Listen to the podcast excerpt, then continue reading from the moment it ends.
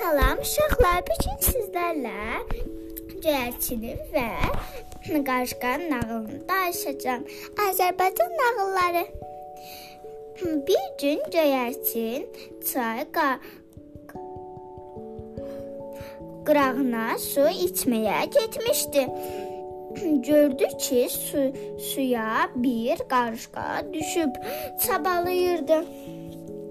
Göyərçin tez onun köməyinə gəldi.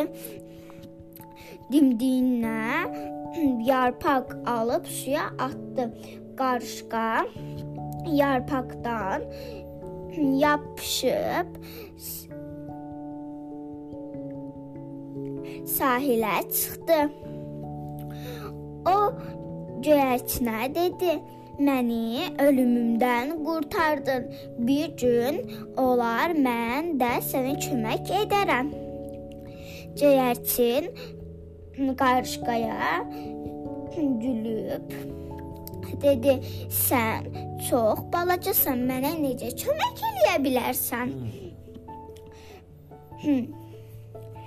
Həmin vaxt xeyli keçmişdi. Göyərçin yuvasında oturmuşdu.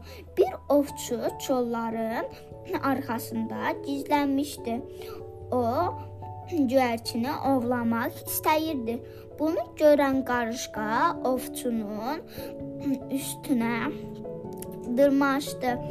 Yavaş-yavaş boynuna doğru, doğru qalxdı.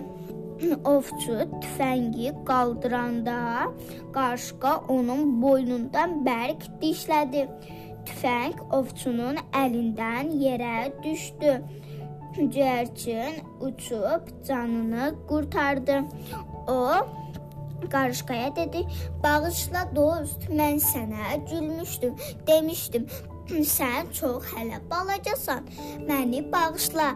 Qarışqa ona dedi: "Heç bir şey olmaz. Nağılımız qurtardı, uşaqlar gedən çalma düşdü.